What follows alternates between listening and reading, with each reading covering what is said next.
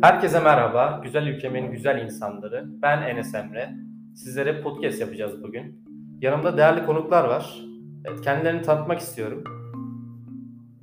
Ben Salih Akınçay, gazetecilik öğrencisiyim. Bugün benim uğraşı alanlarından bir tanesi siyasi işlerle uğraşıyor. Ee, Benim ismim de Emre Furkan Haliloğlu. Kendim siyaset bilimi öğrencisiyim. Siyaset bilimi ve uluslararası ilişkiler.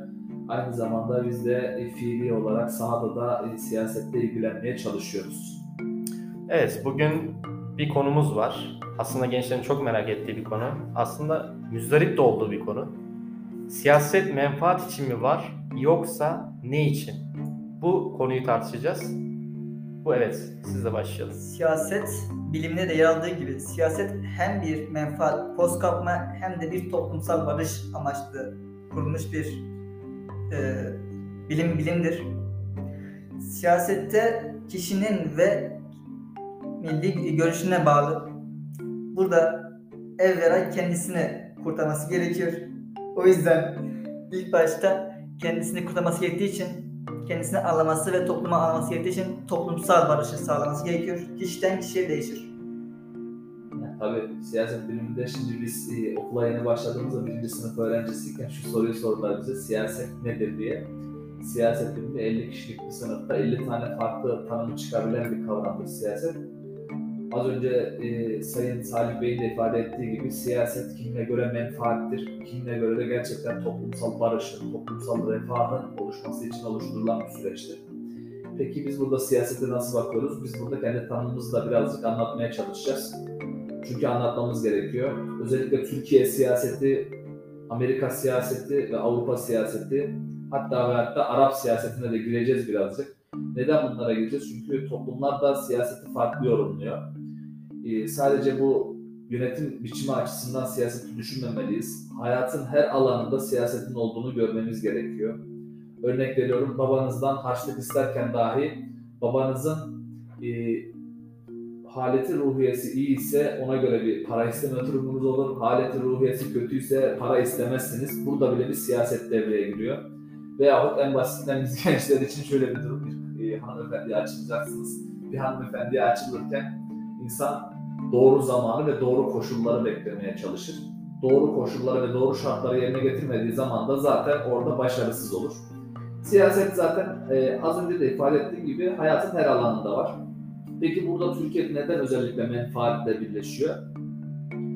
Türkiye'de son dönemde yani son 30-40 senede siyasetin menfaatle birleşmesinin sebebi Türkiye'ye gelen iktidarların birçoğunun siyasette kendi çevresini, kendi akrabasını ve kendi yandaşını zengin ettiği. Ben bunu şöyle örneklendiriyorum. Türkiye Cumhuriyeti Devleti'nde bir dönem en basit bir belediyede belediye meclis üyeliği yapmış bir kişinin dahi 7 cepte olarak ifade ettiğimiz bütün sülalesi kurtuluyorsa Türkiye siyasetinde gerçekten büyük bir sorun vardır. Ve bugün de Türkiye'de özellikle gençlerin siyasi oluşumlardan uzak durmasının sebebi, ben bunu da haklı bir sebep olarak görüyorum. Bunları görmesidir. Yani kendi akrabalarından bir tanesi siyasette uğraşıyor. Normalde hayat içerisinde hiçbir başarı elde edememiş insan siyasette 2-3 ay takıldıktan sonra haksız bir kazançla, haksız bir kazançla zengin olduğu zaman ya vatandaşlar diyor ki ya demek bu siyasette gerçekten büyük bir rant var o zaman bu siyaset pistir. Biz bu siyasetten uzak durmalıyız. Ya sence de böyle değil mi Sayın Başkan? Evet, öyle haklısın. Öyle 30 ile 40 senelikte yapılan bu rant Yanlış olaylar, evet, sadece kısa bir dönem olan 11 aylık Necmettin Erbakan döneminde bir e, rant olayı azaldı diye görülüyor. Azaldı değil o dönemde bittiğini söylüyorlar. Neden bitti? Yani Türkiye'de denk bütçe oluşturulamamış. Bugün denk bütçeyi ekonomistlere soruyorsun. Ya diyor Türkiye şartlarında, Avrupa şartlarında denk bütçeyi oluşturmak zor.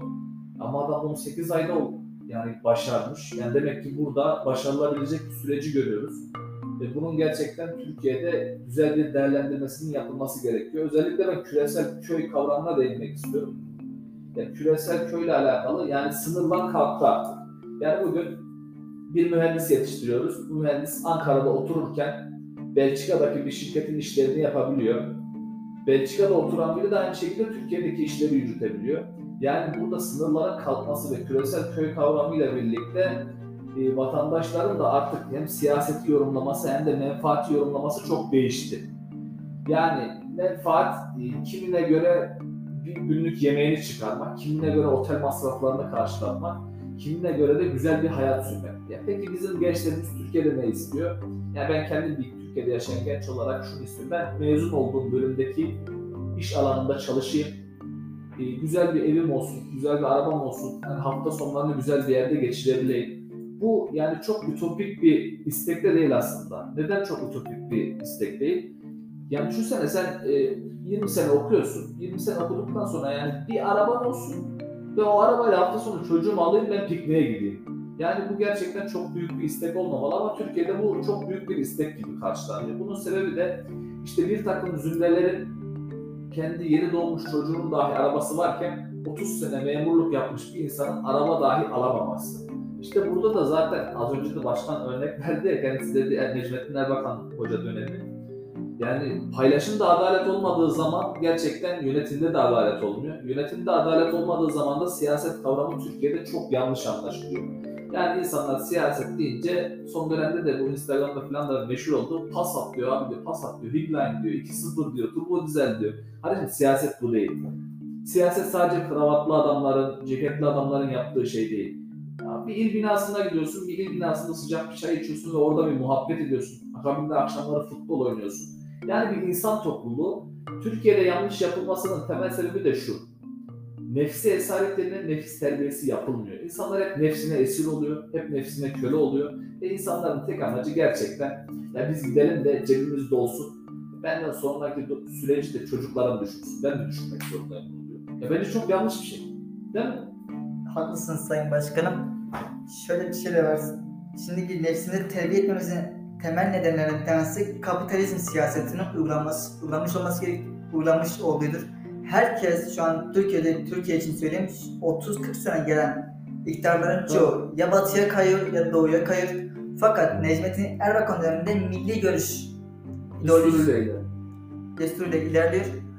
Biz de bunu almaya çalışmamız gerektiğini düşünüyorum ben de. Milli görüşle milli görüşle gitmesi gerektiğini düşünüyorum.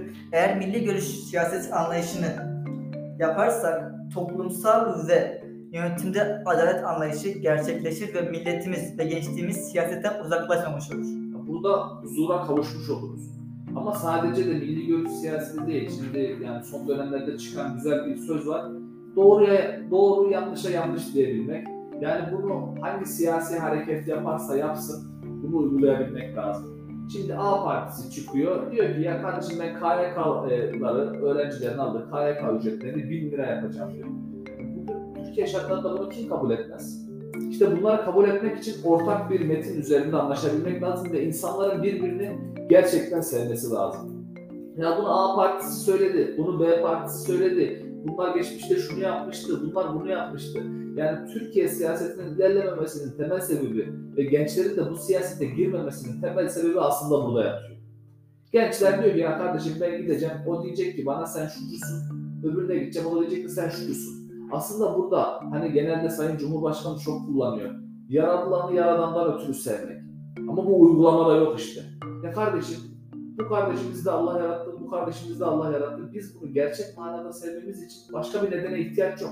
Hepimizin yaratıcısı birse, biz buna inanıyorsak, ve bu minvalde yaşamak istiyorsak bunu yapmak zorundayız.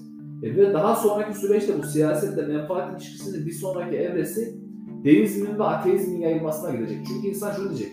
Bak diyecek. Dine inanan adam geldi iktidara şunu yaptı. E dine inanmayan geldi bunu yaptı. O zaman kardeşim boş verin bu siyaset işlerini. Biz hiçbir şeye inanmıyoruz. Ve bu sefer dünyada ortak bir mutabakat olmadığı zaman insanların başıboş olduğu zaman anarşizm yayılacak.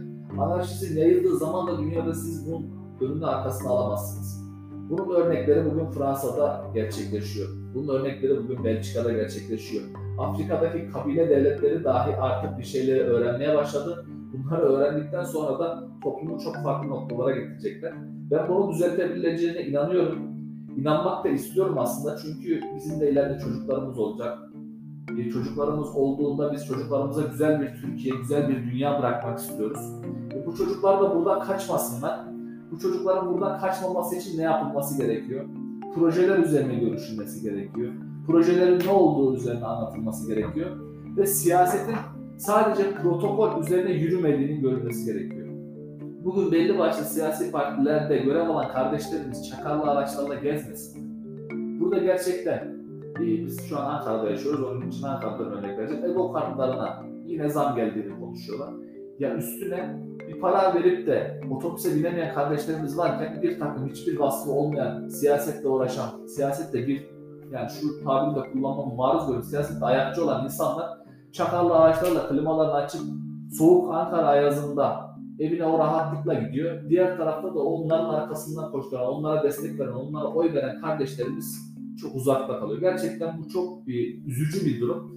Ama bu çözülemeyecek bir durum değil. O yüzden yani ben gençleri şunla davet etmek istiyorum. Siyasete, siyaset kurumuna. Gençler siyasetten uzak kalmayın. Neden uzak kalmayın? Kardeşim bu deveye illa bir güdem bulunacak. Çünkü bu siyaseti illa biri yapacak. Neden siz yapmayasınız? Siz bunu yapmazsanız o az önce vasıfsız olarak nitelendirdiğim insan yapmayacak. Yapacak. Birileri yapacak bunu. Yapmak zorunda. Yapmak zorunda. Neden zorunda? Çünkü bu yönetim burada bir insan topluluğu var. Bu insan topluluğu e, yönetilecekler. Bunu yönetmek için de birileri gelecek. E sen bunu yapmazsan Salih Bey, ben bunu yapmazsam biri yapacak. Biz insanlığa değer veren bir kişi siyaset yapmazsa insanlığa değer vermeyen kişi siyaset yapar ve insanları kendi menfaati için kullanmış olur. Aynen öyle. Yani bunu yapmaz isek biz az önce kullandığımız kelime gerçekten çok değerli benim için. İnsanlara değer vermeyen tek e, amacı bizim de başlığımızda var ya menfaat. Kendi çıkarları olan adam gelecek ne senin çoluğunu çocuğunu düşünecek ne senin geleceğini düşünecek. Sen ya ben gideyim de Amerika'da e, tabirin maruz görsün kesinlikle küçümsediğim meslekte ben Amerika'da tuvaletçilik yapayım diyecek bir mühendis. Gidip Amerika'da tuvaletçilik yapacak ama Türkiye 50 sene sonra 100 sene sonra da düzelmeyecek. Çünkü siyaset kurumuna sağlam insanlara kazandıramıyoruz. Bir de herkes korkuyor. Korkmayın kardeşim. Sen bir klasik bir slogan var ya sen yapmazsan ben yapmazsam nasıl çıkar karanlıklar aydınlığa. İnşallah ben yeni neslin bu karanlıktan Türkiye'yi ve dünyayı kurtaracağına inanıyorum. Z kuşağı diyorlar, son kuşak diyorlar ama biz bunu altın kuşak olarak nitelendiriyoruz. Çünkü okuyor, okuduğunu anlıyor, okuduğunu sorguluyor ve yeni bir şey öğrenmek istiyor. Yeni bir şey öğrenmek isteyen insanlara bizim kapılarımız her zaman açık. Ve yeni nesili kazanmamız gerekiyor. Bunun için de bir sonraki podcastlerimizi bence bekleyin diyorum ben. Onunla ilgili de güzel şeyler anlatacağız değil mi? Evet, e, daha devamı gelecek tabii ki podcastlerin ama şu an bir milli görüşten bahsettiniz. Peki bu milli görüş nedir? İdeoloji midir yoksa başka bir şey midir? Bundan bunun cevabını sizden istiyorum açıkçası. Ya şimdi milli görüş kavramı e, kısa bir podcast çekeceğiz dedik. Milli görüş kavramı çok bir derya yani bir okyanus. Yıllarca rahmetli Erbakan anlattı, anlattı ama sadece insanlar bu deryadan bir çay kaşığından, okyanustan bir çay kaşığıyla su alınmış gibi düşünün. İnsanlar sadece bunu anladı. Ve kısa bir dönemde 8 aylık hatta 11 aylık bir iktidar oldu. O da iktidarda ortağı var. Koalisyon hükümeti kuruldu, Refah Yolu hükümeti. Onun dışında aynı zamanda 79 yılında da yine e, Ecevit'le Erbakan bir ittifak yapmışlardı ve Kıbrıs Barış Harekatı gerçekleştirilmişti. Yani Erbakan Hoca'yı ve Milli Görüş davasını bizim anlatmamız için yani gerçekten böyle bir 100-200 tane en azından podcast çekmemiz lazım. Tam manasıyla anlamak ve anlatmak imkansız. Yani şu anki şartlarda. Neden? Çünkü milli görüş o dönemde oy veren insanların potansiyeline baktığımızda ve o dönemki sosyolojiyi okuduğumuzda insanlar ya Erbakan Hoca namaz kılıyor diye oy veriyorlardı. Erbakan Hoca'nın paylaşımda, adalet yönetiminde adalet kavramını anlamıyorlardı. Erbakan Hoca'nın bütün insanlık için refah dolu bir Türkiye inşa etmesini ve akabinde D8'leri, D60'ları kurma hayalini o dönemde insanlar anladığı için oy vermedi. Ben o yüzden siyaset kurumunda da siyaset adamlarını, Erbakan Hoca bir siyaset adamıydı, Erbakan Hoca bir siyasetçi değildi. Çünkü siyaset ve siyasetçi ve siyaset adamı kavramını da ben farklı yorumluyorum. Siyasetçi kendi siyaseti hak olsun, batıl olsun, yani yanlış olsun. İnsanlara bunu pazarlayıp satmaya çalışıyor. Yani o insanlar ondan memnun olmuş, olmamış. Yani şöyle düşün, LC Vakiki satıyor bir malı. O adam ondan memnun olmuş veya olmamış düşünmüyor. Bu siyasetçi işte. LC Vakiki siyasetçi. Reklamlarda yaptık birazcık da ama. E, ondan sonra peki Erbakan Hoca'ya siyaset adamı dedik. Erbakan Hoca bir davaya inanıyordu ve bu davayı lise çağlarında kalem kalem yazmıştı Milli Görüş davasını. Ve Türkiye'de ve dünyada bunun bir örneği yoktur. Yani Erbakan Hoca'nın yaptığı Milli Görüş davası diye bir dava yazıyorsun. Yani milliyetçilik diye bir kavram var. Sosyalizm, e, sosyalizm diye bir kavram var. İşte onun dışında Kapitalizm, kapitalizm diye bir kavram var. liberalizm, Dünyada bunun farklı partilerde farklı örnekleri var ama Türkiye'de ve dünyada milli görüşün bir örneği daha yok. Ve dünyada paylaşımda adaleti, yönetimde adaleti sağlamaya çalışıyor. Kendini yıllarca ifade ediyor ve dünyada hiçbir medya bunu göstermiyor. Gençlere benim tek tavsiyem şu. Medyada size gösterilenler size gösterilmek istenen, istenen şeydir. Size bir şey gösterilmiyorsa eğer siz o adamları araştırın diyorum ben. O adamlar size gösterilmiyorsa onun altında çok büyük mesajlar yatıyordur. Ve ben yani Necmettin Erbakan hocamızı anlatmaya ve milli görüş davasını anlatmaya başlamadım. Başlamayacağım da çünkü her şey eksik kalacak. Milli görüşü Erbakan Hoca şöyle tarif ediyordu. Bu sözde de bence programı bitirebiliriz. Milli görüşün onda dokuzu milli görüş değildir. Milli görüş birdir. Milli görüş bir bütündür. Milli görüş parçalanamaz ve ayrılamaz. Yani milli görüş bir olduğu için milli görüşü anlatmak için ayrı ayrı bir program çekelim ve gençlerimize anlatalım. Ondan sonra da siyaset ve menfaat ilişkisinde çok güzel bir şekilde ben yorumlayacağımıza inanıyorum. Ve gençler tek slogan şu, siyasetten uzak kalın. Evet. Hepinize teşekkür ediyorum. Ee, Ben Enes Emre Salman. Ee, Dinlediğiniz için teşekkür ediyoruz.